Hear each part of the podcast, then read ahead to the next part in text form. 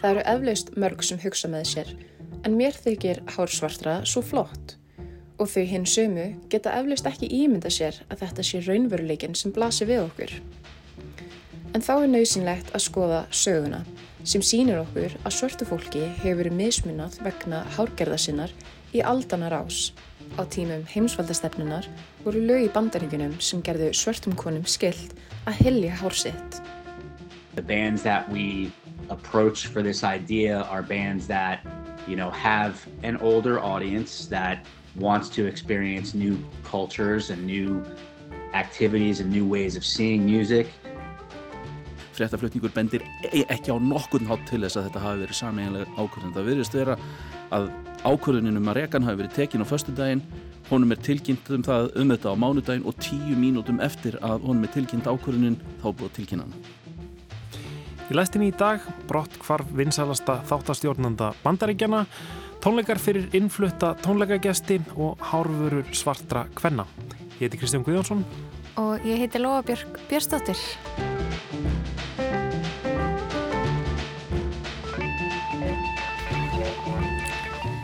Sjanel Björk Sturldudóttir verður með pisla hér í lestinni næstu vikurnar. Hún ætlar að byrja á því að fjallum hárfurur svartra kvenna sem að hafa orðið vinsalar eftir að hvítir áhrifavaldar uppgötuðu þær. Og svona þær spurningar sem það vekur upp eiga svartar konur enga rétt á því að nota þær vörur. Við fáum að heyra í Sjanel og eftir. Já, undir lokþáttar þá ætlum við að fjalla um hvað var að segja, nýja aðferðarfræði sem er að reyða sér rúms í íslensku tónleikalífi, nýtt koncept þekktir erlendir tónlistamenn koma og spila á tónleikum, oftar en ekki hörpu, en tónleikarnir eru ekki fyrst og fremst hugsaðir fyrir okkur, heimamenn, heldur fyrir harða aðdáendur sem vilja gera sér ferð til Íslands og fá að sjá uppáhald hljómsendina sína spila nokkur kvöld í röð.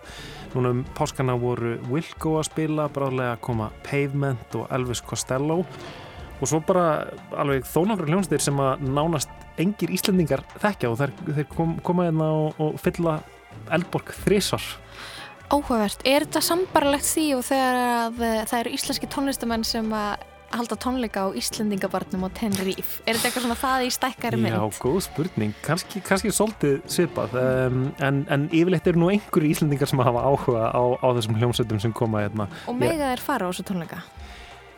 Já, uh, en, en það er oft svona ákveðin vandkvæði við það að, að ná miðunum. En allavega við ætlum að fræðast meir um þetta á eftir. Og ætlum að ringja í, í tónleikahaldarana Ethan Swartz og Larry Siegel sem hafa staðið fyrir nokkur svona tónleikum og heyra um ja, þetta konsept og, og, og um, reyna að skilja hvað er í gangi Einmitt, en við ætlum að byrja á fréttum frá bandaríkunum.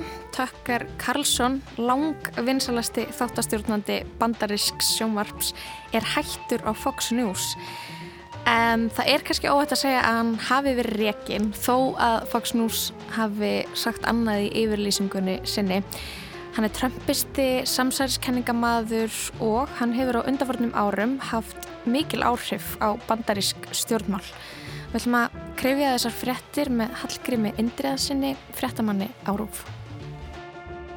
We have some news from within our Fox family. Fox News Media and Tucker Carlson have mutually agreed to part ways.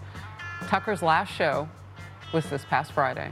We want to thank Tucker Carlson for his service to the network as a host and prior to that as a long-term contributor.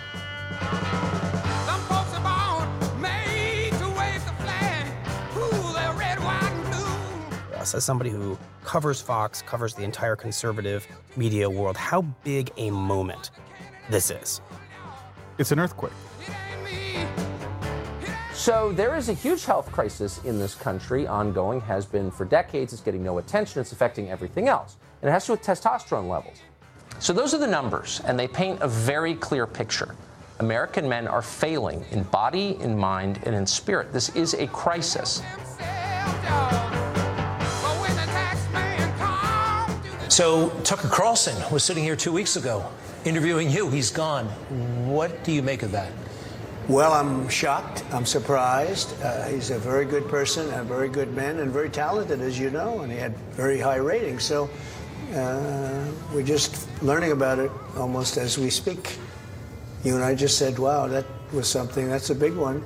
Uh, I don't know if it was voluntary or was it uh, somebody fired, but I think Tucker's been uh, terrific. He's been, especially over the last year or so, he's been terrific to me.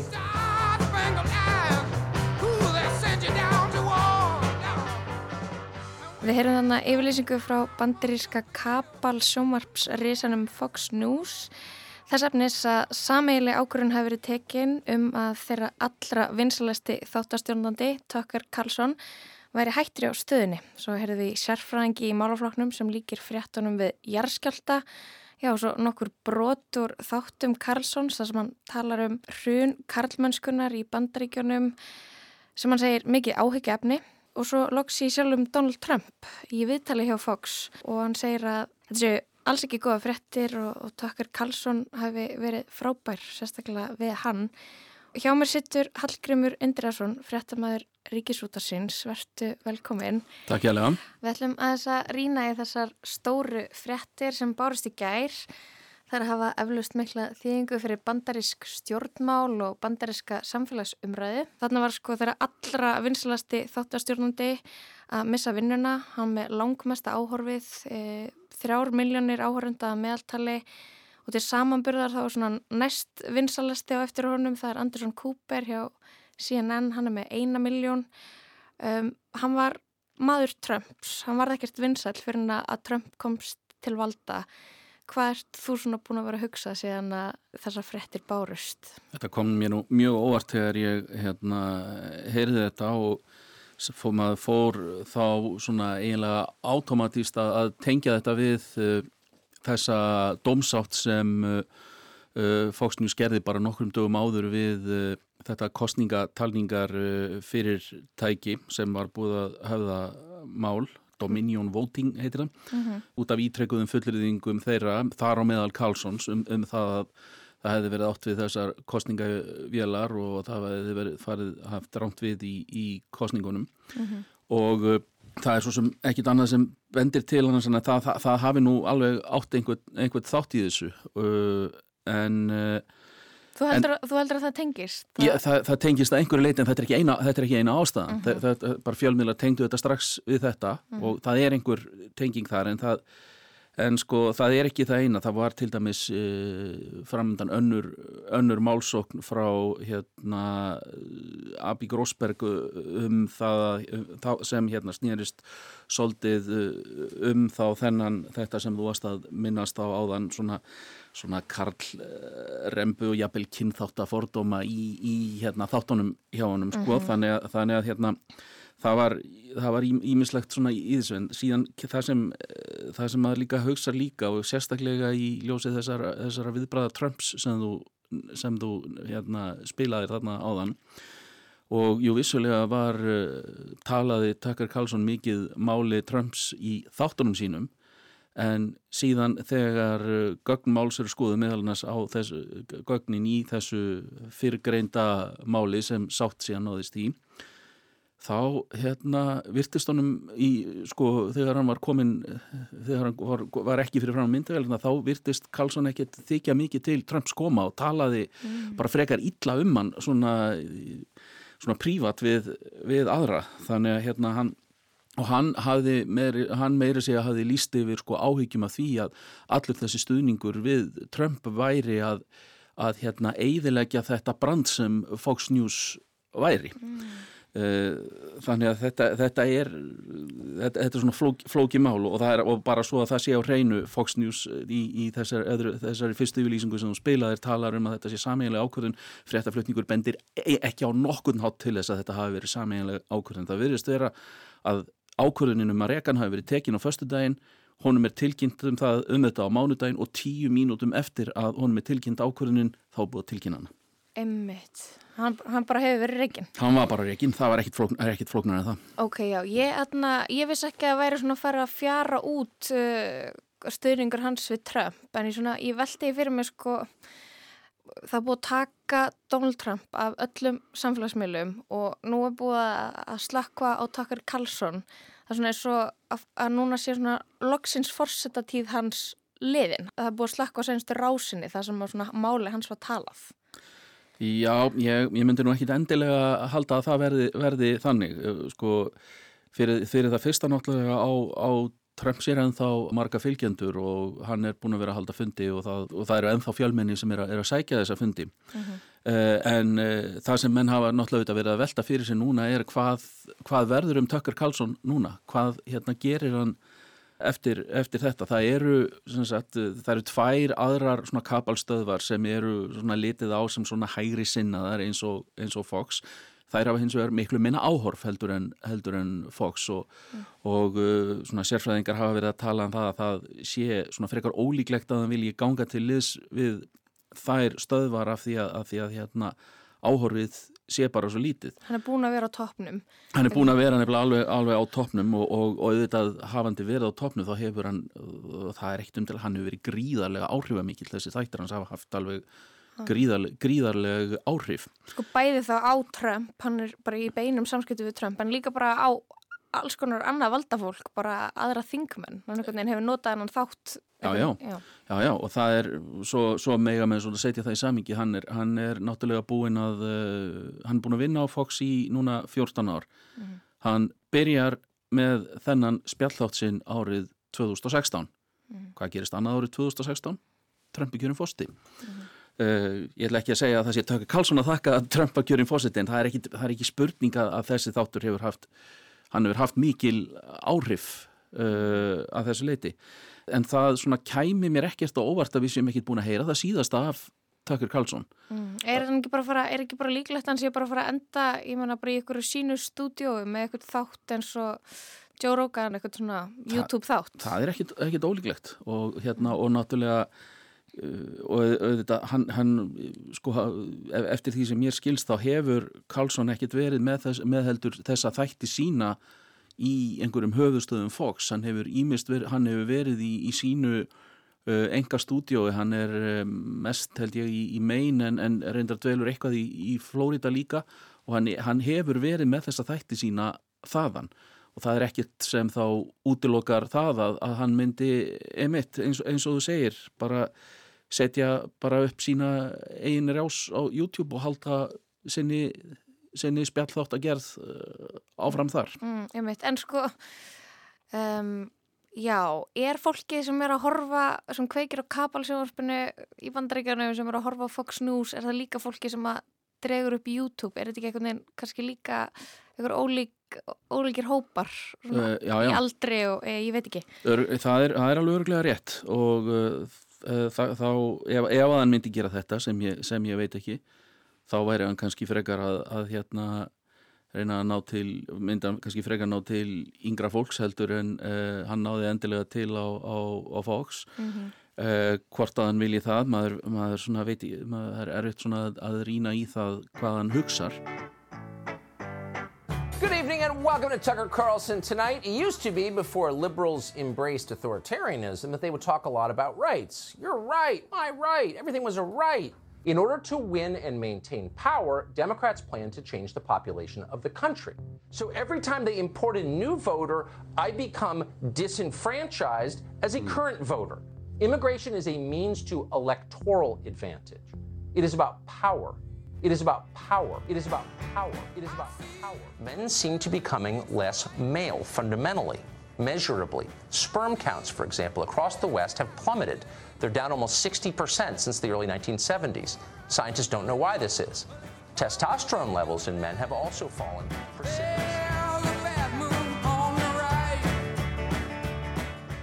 En ég held að við hefum ekki eftir að heyra það, eh, ekki búin að heyra það síðasta frá honum. Mm -hmm. Einmitt. Um, sko, þegar maður hugsaður um Tökkel Karlsson þá svona, uh, ég fyrir strax að hugsa um þessa samsæriskenningu sem hann hefur tala mikið um þessa the great replacement theory það er svona kenning sem snýst um það að demokrater og, og e, valda elitin í bandaríkjum sé að flytja uh, inn eða bara sé að hleypa innflytendum inn í landið uh, til þess að taka við af kvítum íbúum landsins til þess að fá kjósendur og einhvern veginn get, gera kvíta mannin í bandaríkjunum einhvern veginn, ógildan. Já, hann er, hann er meiri sig að held ég bara orða að það beinlýnist þannig að það sé kvíti maðurinn sem sé ofsóttur í bandaríkjunum. Mm -hmm, mm -hmm. En þú veist, það, er þetta, það er þessi, þessa pælingar hans um að, að karlmenn í bandaríkjunum sé ekki lengur alveg karlmenn, það sé svo látt testosterón og það sé rót allra vandamála karlmanna, þú veist, hvað er að fara að gerast í bandaríkjunum þegar það er ekki lengur manneskja sem er eitthvað neginn að henda þessum gölnu pælingum út í loftið Eh, og fá svona ótrúlega mikið áhorf. Já, það er, er ómögulegt að segja, sko, hann, það er, sko, það, það, þarna getur tvent gest því að ég held að held uh, því miður að það sé svona borin vona að hérna þessar, þessar kenningar hverfi af, uh, af öldum ljósakans eða af samfélagsmiðlum eða hvað, hvað, hvaða miðlum sem hérna menn eru að halda, halda þessu fram. Það er tvent í þessu, annarkvort að hann setji upp sína eigin rás og reyni að, að hérna að eh, laða að hérna afla áhorfenda þar eh, eða þá að það komi einhver annar í, í staðin fyrir hann. Mhm. uh, maður er kannski ekki endilega að sjá einhvern, einhvern kandidat uh, samt í, í augnablíkinu í því. Það áhrif hans eru það mikil og það er eitthvað það er ekki eitthvað sem kannski gerist á einni nóttu en uh, bara landslægið í, í bandarækjunum er það fjölbreytt að hérna þessar, þessar kenningar uh, er ekkit á undanhaldi Mhm. það eru, eru ennþá öflugir hópar sem vilja halda þessum kenningum á, á lofti og uh, eina spurningin er hvort að hérna, uh, það er náið það svona frjóum jarðvegi að, að uh, þetta verði, að það verði ja, svona ofsalega útbreytar eins og það voru kannski fyrir nokkrum árum en ég kannski svona hefa tilfinningunni að, að, að sé ekki alveg eins útbreytar lengur. Mm. Sko, þessi sjónastöð, þetta er náttúrulega, hvað er ekki bara óhætt að segja, málpípa republikana flokksins í Hún allavega, hún allavega fylgir mjög svona svipaðri stefni og svo getum nú allavega, allavega fullist það. Já. Ok, og það eru, já, Joe Biden var að tilkynna um að hann eðist ætla aftur í uh, frambóð og, og, og Donald Trump er náttúrulega löngum búin að segist alltaf gera það. Já, þú ert kannski, þú ert ennþá búin að segja að Tucker Carlson sé kannski ekkert endilega þessi rosalega miklu Trump-maður og hann var, en er þetta, sker þetta á sigurlíkur Donald Trump að, að Tucker Carlson sé horfin af, af Fox? Er, erum við þá að fara, fara, fara að sjá þau hampa frekar okkur um öðrum kandidata?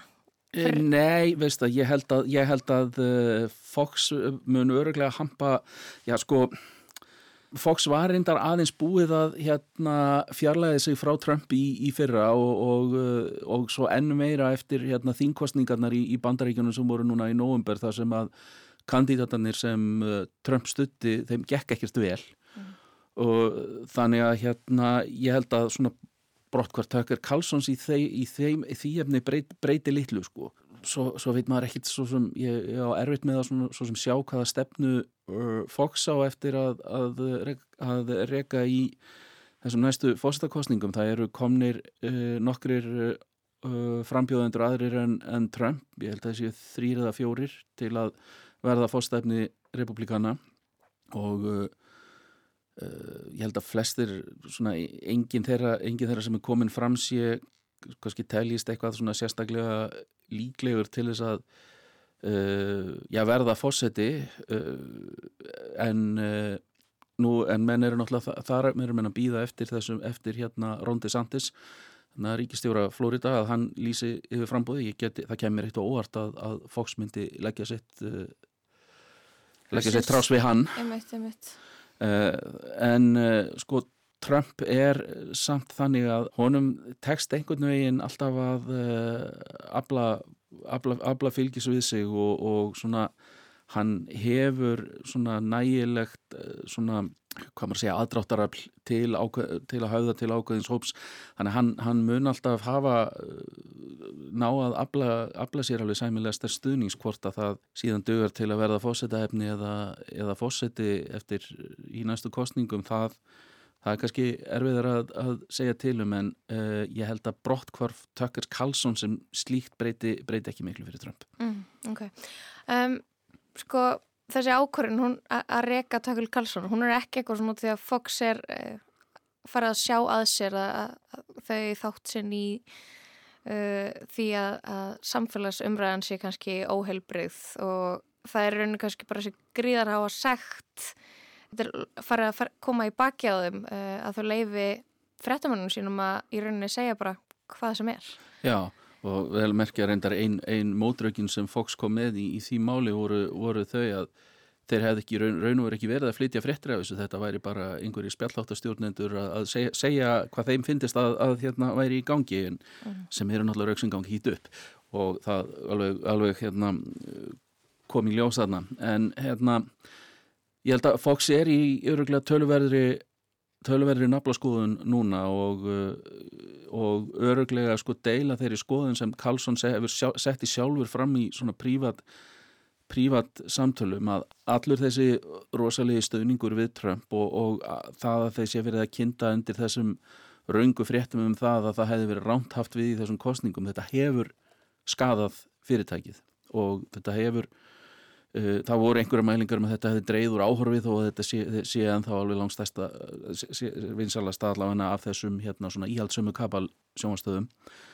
uh, en Ég held að, já, þeir stöðin eru þetta í tölverri naflaskoðum hvert í þeirri raun og veru stefna og, og hvernig þeir í eiga í raun og veru að þá endur heimta það já, tröst sem þeir, þeim greinilega finnst að þeir hafi svolítið glatað í, í kringum allt þetta mál. Mm -hmm. Takk fyrir komuna Hallgrimur Indriðarsson. Takk sem leiðis.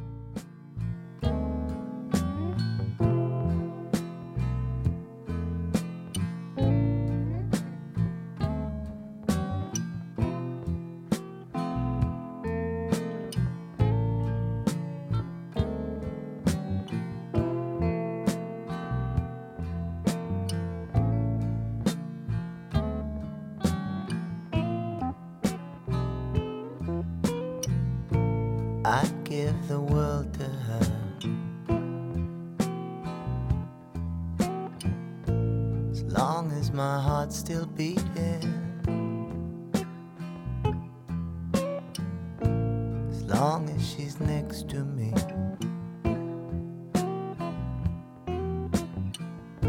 As long as this love's still fleeting.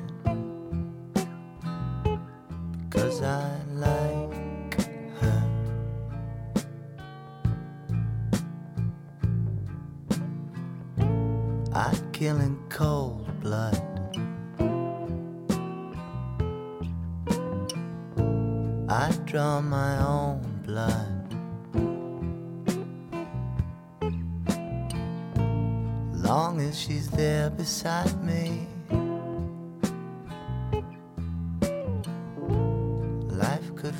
so good.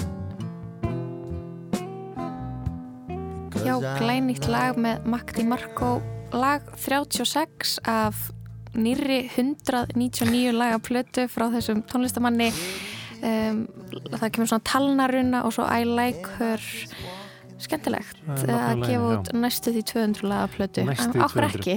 Ég held að þetta séu nú að mestu leiti svona demo-upptökur og alls konar uh, björliðar og, og, og sapna af, af, af lögum sem að hafa ekki ratað inn á plötunarans en allavega, kanadíski e, tólastamöður Magda Markó. Já, við ætlum að fara úr bandariskum stjórnmálum yfir í að hárfurur svartra kvenna. Hún Sannel Björk Sturldudóttir er næst á mælindaskrá hérna í lastinni.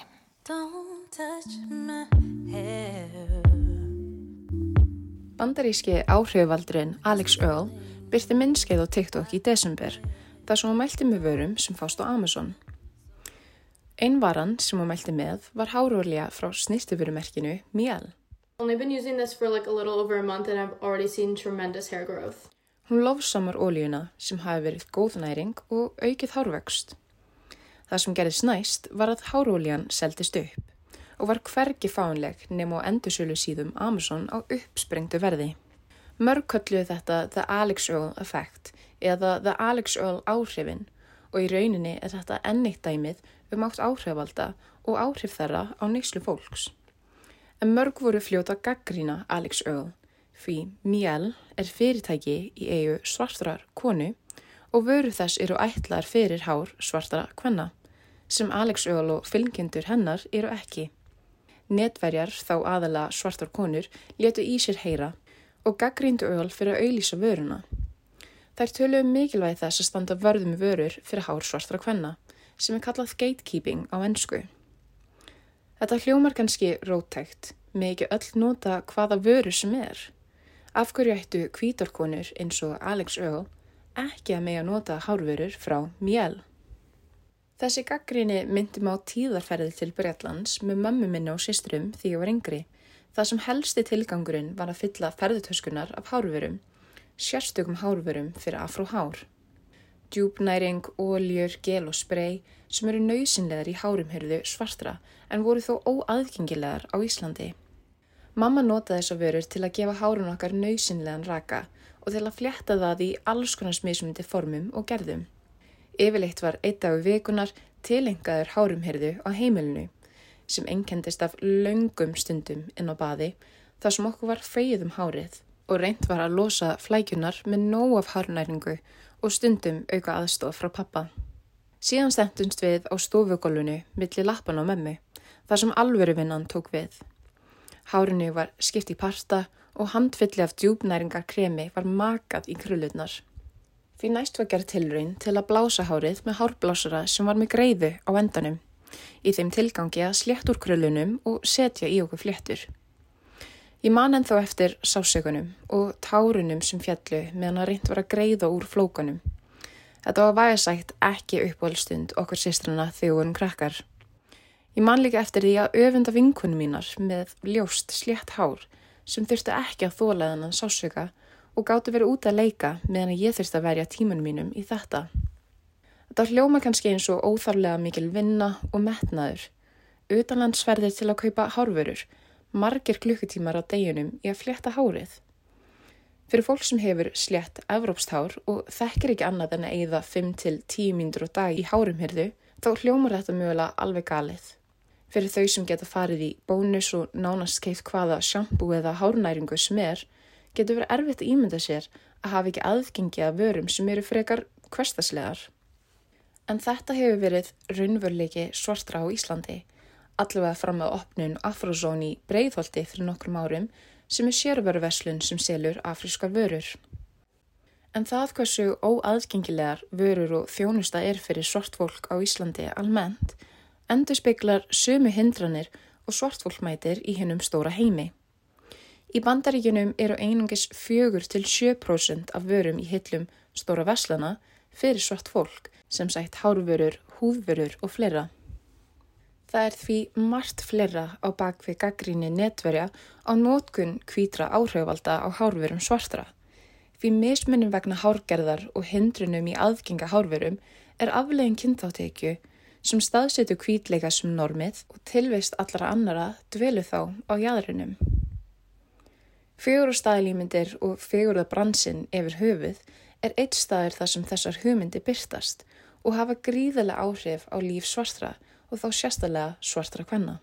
Kvítleiki í fegurðar staðilímyndum byrtist til næmis í því að fyrir mig og fyrir svartar konur yfir höfuð þá höfu ekkert val Við höfum ekkert val um það að vakna á mornuna og hlaupa út úr húsi án þess að hugað hárinu, án þess að setja næringarefni í það eða án þess að setja í marga klukkutíma meðan að hárun okkar er fléttað. Við höfum ekkert val sem á reykja til neikværu hugmynda um hár svartra. Samfélagið hefur nú þegar dæmt háru okkar sem ofgróft, ofstórt, ofkrullað. Við höfum ekkert annað val en að temja krullunar draga hárið aftur í snúð, slétt úr barnahárunum og til þess eru þessar vörur. Það eru eflaust mörg sem hugsa með sér, en mér þykir hársvartra svo flott og þau hinn sömu geta eflaust ekki ímynda sér að þetta sé raunveruleikin sem blasir við okkur. En þá er nöysinlegt að skoða söguna sem sínir okkur að svörtu fólki hefur verið mismunat vegna hárgerða sinnar í aldana rás. Á tímum heimsvaldastefnunar voru lög í bandaríkunum sem gerðu svörtum konum skilt að helja hársitt. Lögin eru þekkt sem Tignon lögin og voru sett fyrir svartur konur voru taldar vekja of mikla aðtigli meðal almennings með hári sínu og hárklúturinn átti einni að vísa til þess hvaða stjætt þær tilheyrðu. Nærtækara dæmi er mál Ruby Williams, svartarstúlku sem var ítrykka að vísa heim úr skólunum í Breitlandi vegna þess að hár hennar var sætt óviðeigandi. Hár er jú pólitíst, en þau sem upplifa ekki þessa mismunun velta því eftir vill ekki fyrir sér. En aftur að Míel ólíunni. Stuttu eftir ég frétt af Míel málunu var ég stödd í búningsklefa í World Class líkamsrættastöð. Það sem ég sá unga konu, hvita unga konu, draga upp úr snirtibutunni sinni hárvörur frá Míel. Ég spurði hana undrandi hvar hún hafi fengið þær. Keift hún þetta á Íslandi? Og ímsar aðra spurningar kviknuðu. Vissi hún að þetta væri vörur fyrir hár svartra? Hafði hún keift þetta í Afrasón í Breitholti? Þessu fylgdu flóknar tilfinningar. Ég fann til einhvers konars afbreyðsemi og eignarhalds eins og hún væri að leika sér með dóti mitt. En ég fann líka fyrir spennu og gleði. Er þetta vísbendingum jákvæða þróun? Er Ísland að verða fjölbreyttara og fjölmenningarlegra samfélag? Það sem hárverur fyrir hár svartra eru loksins aðgengilegar. Unga konan sagðist hafa keiftu verurnar á netinu og látið senda þér til Íslands. Ég var bæði vonsvikinn og fegin á sama tíma. Mélóljan nefnileg ekki einstæmi um að ungar kvítar stelpur á TikTok tak upp vörur sem eru ætlaðar svörtum konum. Annað dæmi sést skýrt í ákveðnu trendi sem heitir á ennsku Clean Girl Aesthetic sem hefur verið vinsæl á samfélagsmiðlum undarfarið ár. Þessi tíska eða fagurfræði einkennist af hárstíl og förðun sem virkar náttúrleg, hrein og áreinslulegs.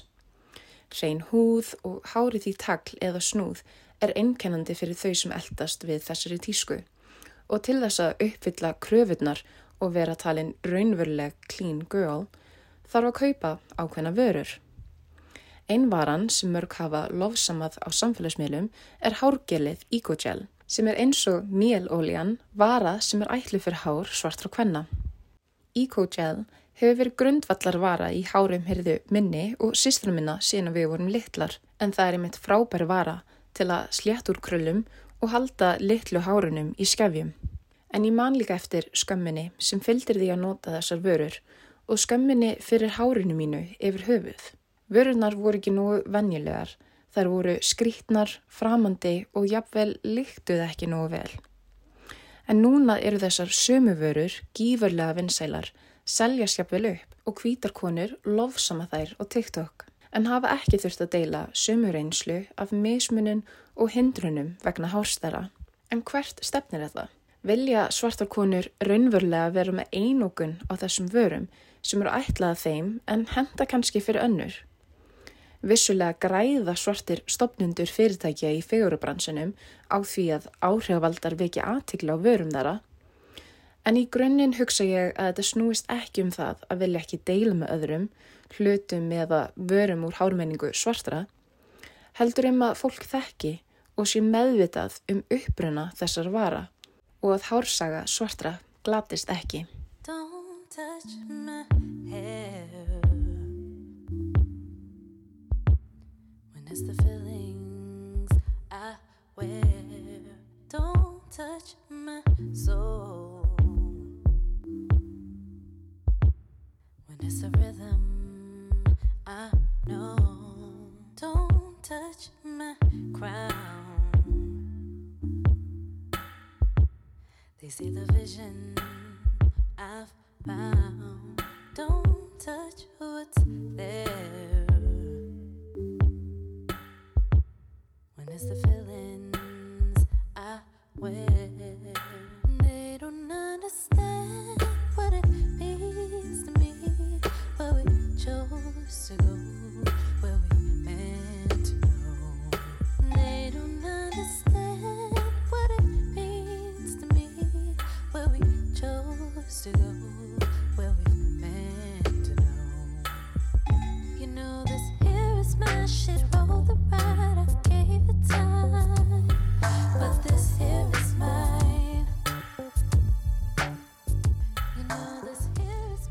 Leið Don't Touch My Hair með Solans, Chanel Björk Sturldóttir var þar undan með pistil en við ætlum að fara niður í hörpu. Það vakti mikla og einlaga kátínu í umræðuhópum íslenskra tónlistarunnenda þegar tilkynnt var að bandariska indie countrysveitin Wilco var á leðinni til Íslands um páskana. ætlaði að spila á korki meirann í minna en þrennum tónleikum í hörpu. En gleðin var fljót að breytast í andkverfu sína. Gekk hjá einhverjum að kaupa stakan miða á Wilco. Ég mætti saminskuðsamlega á kontorinn á slæginu 5, reyndi og reyndi en allt virtist uppbókað. Með bestu kveðju, einn miðaldra. Sama hér, gæti ekki keift einn miða klukkan 17. Þetta er eitthvað fissi. Reyndi en fann einhverstags. Er þetta ekki eitthvað hannað fyrir fans sem eru á leið til Íslands í pakkaferð af alla tónleikana? Það væntanlega búið að selja langt mest í einhverju fanklöp príseil. Vonað þeir bæti við einum tónleikum fyrir íslenska almóðan. Já, hér er ný aðferðarfræði að riða sér rúms. Þekktir erlindir tónlistamenn komu og spila á tónleikum í hörpu. Tónleikarnir er ekki fyrst og fremst hugsaðir fyrir heimamenn, heldur harða aðdáendur sem vilja gera sér ferð til Íslands og fá að sjá upp á alls hljómsendina sína nokkur kvöld í röð. Koncept sem nýtur mís mikilla vinsælda allavega á netinu.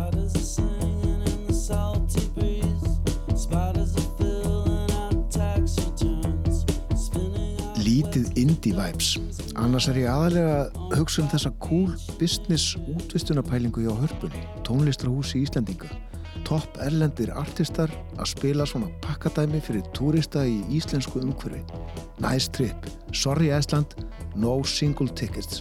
Sold out. Þetta eru auðvitað geggjað fyrir alla sem njóta góðs af, hljómsveit, harpa og svo framvis. Það er smá fúlt að missa félagslega ávinningin úr þessum örfáu kvalreikum.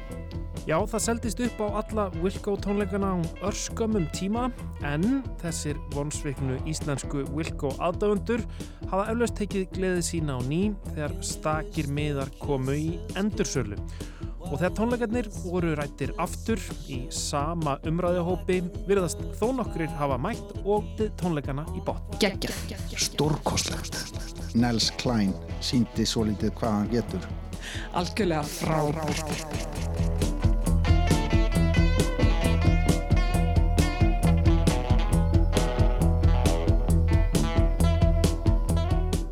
Tónleikaraðir á borð við Vilko tónleika hrinuna um páskana eru farnir að verða mjög áberandi í dagatali hörpu. Tommy Emanuel, Pavement, Elvis Costello og svo minna þekktar sveitir Disco Biscuits og Green Sky Bluegrass. Bandarísk hljómsveit sem fáir þekkja hér á landi heldur tónleika fyrir fullum eldborgarsal þrjú kvöld í rauðum helgina. 1300 aðdáðandur sveitarinnar frá bandaríkjónum fylgdu henni til Íslands. Umfrís McGee er ekki fræg hljómsveit á Íslandi. Þrátt fyrir það heldur hún þrenna tónleika í Eldborg um helgina. Já, líklega heyrðu við flest um þetta konsept fyrst þegar Umfrey McGee's kom og spiluðu á þrennum tónleikum í Eldborg í mars árið 2022 og aðdáðandahópurinn kom allur að utan. Mér langaði að forvitnast meira um þessa nýjungi íslensku tónleikalífi og ringdi til bandaríkjana í tónleikahaldarna Ethan Swartz og Larry Siegler Bucket List Tours sem standa fyrir nokkrum hluta þessara tónleika meðal annars Umfrey McGee's, Wilco, Pavement og nokkrum öðrum vandanlegum. Hello, hello. Is this your Larry or Ethan? Larry. You're Larry. Um, sorry, I don't have a camera. That's okay. Ethan.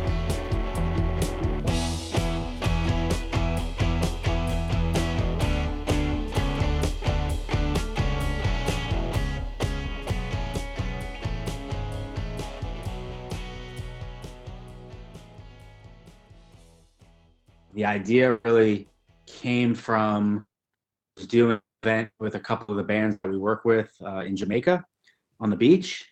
This is, I think, 2006 or 2007. Um, and growing up in Florida, I had been to the beach quite a bit. Uh, and it, it was at a resort that you're Ethan og Larry hafa báður verið í bransanum í áratugi, haldið tónleika og tónlistar hátíðir í bandaríkjunum og víðar. Ethan, sá sem að hér talar og talar meira í viðtalinu, er 50-ur Floridamaður sem var farin að einbytta sér að hálgerðum pakka tónleikaferðum. Hjælt meðal annars slíka tónleika á ströndin í Jamaica árið 2006 eða 7. En vegna þess að tónleikahaldararnir gátt ekki tryggt öryggi gesta í landi með svo háa glæpatíðni þá var það halda þá á lokuðum ferðamannastöðum þar sem að gestirnir gátt ekkit farið út fyrir hótelið eða lokaða strönd. Á sveipuðum tíma sá hann svo tónleikamynd með einna sinni uppáhalds hljómsveitum, myndina Heima með Sigurós og ákvæmið sjálfum sér að í staðins að halda bara tónleika á ströndinni, kunnulegum stöðum fyrir Flórida mann, þá ákvæðan að halda svipar tónleikaræðir hér á landi. Árið 2016 fór hann að undibúa þetta og fekk Larry með sér í lið og fljótlega voru þeir farnir að skipulegja fyrstu tónleikana með hljómsveita nafni Humphrey McGee's. Þeir voru algjörlega óvissir hvernig til tækist en þegar á hólminu að komið var ásóknin mikil. Reyndar svo mikil að vef þjónar sölu aðelina bæði í bandaríkjónum og í hörpu hér á landi réð ekki við álæð. Two tic- two different ticketing services. We crashed the ticketing service that they use in the States, and we crashed the uh, the Harpa ticket ticketing service. It was the the uh, the response was so strong. Um, we were about 10 days away from doing the show. Tónleikunum senkaði svo reyndar út af heimsfaraldrinum og fóru fram tveimur árum á eftir áallun í mars 2022. En ánægjan var mikil, tónleika gestir ferðist um landið í nokkuð tíma fyrir og eða eftir tónleikana. People had been there for a week before the shows. Some people stayed for two and a half weeks after the shows. It really was, you know, as as Larry and I have talked about, a, a bucket list destination for the people who came. Um, just how happy everybody was, you know, not only just seeing the shows, but but being in Iceland was was incredible for us. Svona tónlistar frím verða stöðut vinsætli innan ferðabransan, sigling með skemmtiferðarskipi þar sem einn eða nokkrir þekktir tónlistamenn koma fram og leika fyrir dansi á kvöldin eru nokkuð vinsæl. Kiss, DJ Khaled og New Kids on the Block bjóða meðal annars upp á slíkar skemmtiferðarsiglingar í ár, bara svo ég nefni örf á dæmi. En já, Íðan segir alveg kosti við það að vera með alla á sama hótelinu eða dvalastæðnum eða slíkri skemmtiferða siglingu. En á þeim viðburum sem þeir skipuleggja hér á landi sé meira frelsi fyrir gestina. Þeir geta farið þongað sem þeir vilja, gist það sem þeir vilja, hvort sem það er á hóteli eða í heimahúsi. Eina dagskráin sem að þeir bjóði beint upp á séu tónleikarnir og stundum litlir auka viðburðir. Annars benda er fólki einfallega á samstarfsaðila sína, samstarfsaðila úr íslenska ferða innaðinum. Um, you know, our idea was kind of more of choose your own adventure. You know, let people create their own ideas of what they want this kind of music vacation to be. And again, we we're not telling people the only the only constant with what we're doing is that the shows are these three dates. You know, uh, beyond that, it, it's up to the people who are traveling what they want to do. And some people want to stay in a hotel. People spent two weeks traveling around Iceland, traveling around the Ring Road, going everywhere they could to really take it all in. So both of these type of events, you know, are fantastic. It's just a totally different experience. Uh, you know, when you when you talk about something like this versus, you know, going to a resort type event or going on a cruise for a music festival. Ég spyr þá, ég spyr þá Íðan og Larry út í hljómsveitinnar sem þeir fá í þetta með sér. Þetta hljóta, við, þetta hljóta nú að þurfa að vera sveitir sem eiga mjög heita aðdáendur og helst nokkuð loðna um lófana veldi ég fyrir mér. Þeir verða eiga peninga fyrir ferð til einn stýrasta lands í Evrópu, Íslands. For this kind of like probably pretty expensive trip for many people.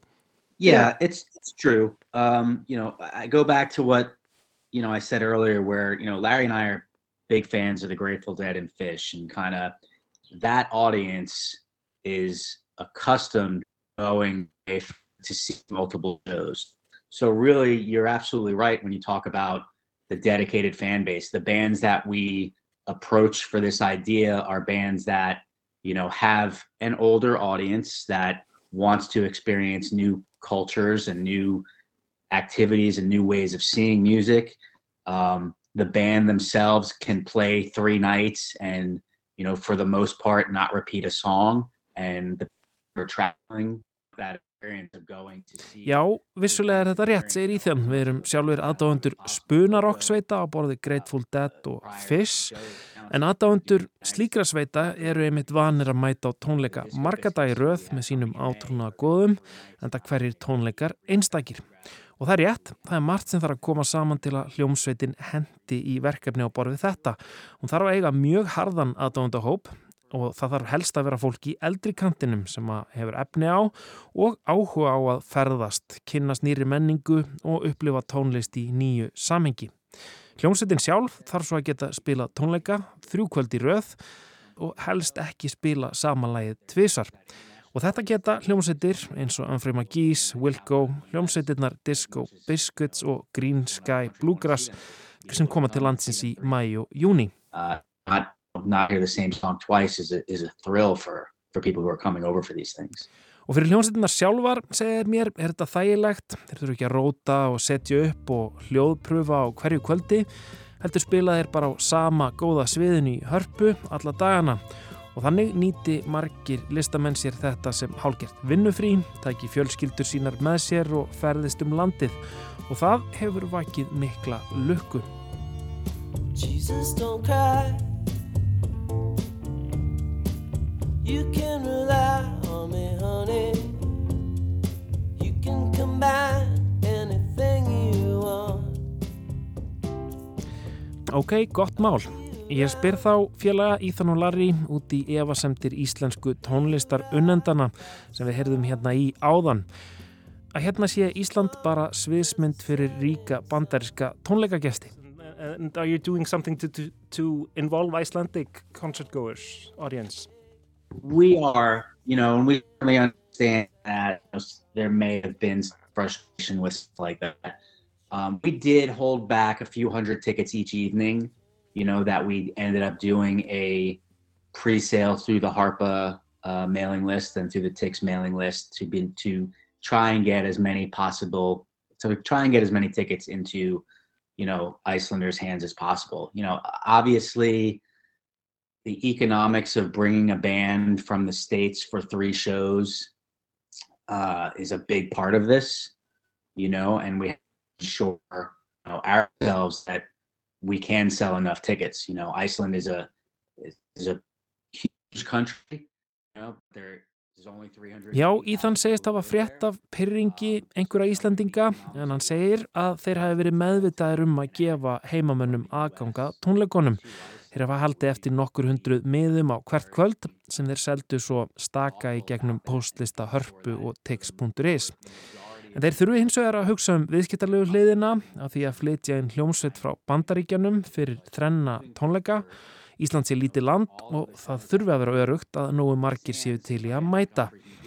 Í tilfelli hljómsættana sem eru lítið þekktar á Íslandi, já þá þurfi einfallega að fylla tónleikana með erlendum gestum en í öðrum tilfellum, til dæmis Wilco og núna þegar Pavement kemur til landsins, þá haldið þeir eftir miðum fyrir Íslandinga, selji mið á stök kvöld í sérstakri forsölu En það viljið þeir ekki að heimafólk upplifi sig útilokað frá tónleikonum. Markmiðið sé alltaf að tengja saman menningarheima, kynna Íslandinga fyrir amerískri tónlist og bandaríkjaman fyrir Íslandi og íslenskri tónlist og því fáið þeir helst íslensk upphettunarbönd til að spila með. But it's definitely, it's definitely a fine line, you know, and, and we understand that.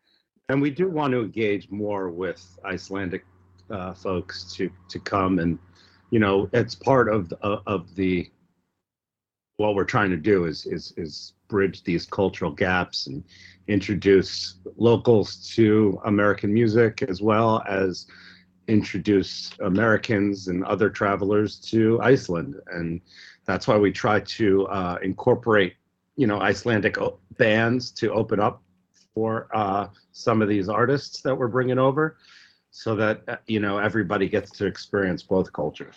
Ég spyrði þá líka út í kólefnisfótsporið sem fer í það að flytja bæði tónlistamenn og áhörandur saman yfir hálfan nöttin frá A til B bara til að spila á tónleikum í tilteknu umhverju.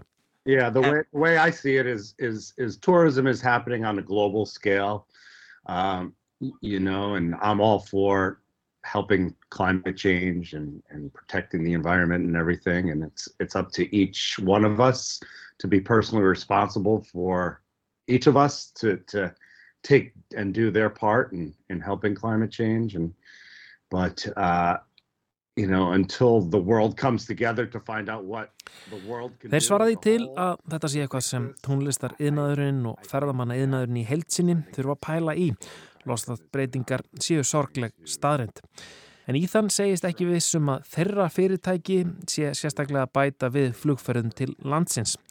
Og Larry tekur undir. Ég sjálfur og allir aðrir þurfa að leggja sitt af mörgum. En þanga til heimurinn kemur saman og ræðst í einhverjar alvöru aðgerðir í saminningu Þá finnist honum hæpið að ferðalög einhverja 1500 manneskja frá bandaríkjunum til Íslands muni ráða úrslitum hvað varðar loslagsbreytingarnar. Frá því að Ethan og Larry fluttu inn hljómsettina Humphrey McGee's í mars 2022 hafa fleiri tónleikarhaldarar staði fyrir svipuðum tónleika röðum hér á landi.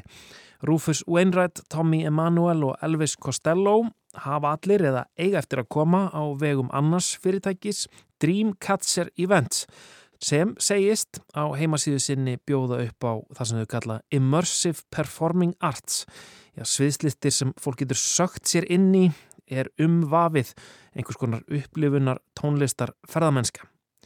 En Íðan segir að tónleikaferðir á vegum þess fyrirtækist virðist hafa nokkuð stífari dasgrá. Dagarnir séu skipulaðir í þaula, bláa lónið, gullfoss og geysir, kvöldverður og sjó. You know,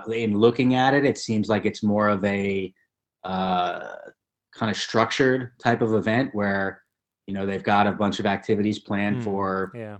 the people who are coming, uh, you know, as far as to the lagoon and, you know, different sightseeing tours, which is great. You know, uh, some people really just want to have that whole experience planned out for them, you know. Um, and I, I don't know the number of people that bringing. Uh, I know, I know they. I don't know if it was them who did it, but I think uh, Tommy Emmanuel was just there this past weekend Exactly, at yeah. Harpa. Yeah. You know, it's it's it's events like this, you know, and to be able to take those artists to these new locations, you know, it, it should. You guys deserve to have all this music coming over there. You know, it's a it's a great place. I, I don't understand why more bands who are flying over to play mainland Europe, you know, don't utilize it. En þegar allt kemur til alls segist hann einfallega ánaður ef Íslendingar fái fleiri hæfileikaríka tónlistamenn í heimsókn en það sé landið vel staðsett fyrir ferðarlög milli Ameríku og Evrópu leið sem að margir tónlistamenn fara og þeir gætu vel stoppað hér og spilað fyrir landan. After the glow, the scene, the stage, the set, and talk becomes slow. But there's one thing I'll never forget. Hey, you gotta pay your dues before you pay the rent. Over the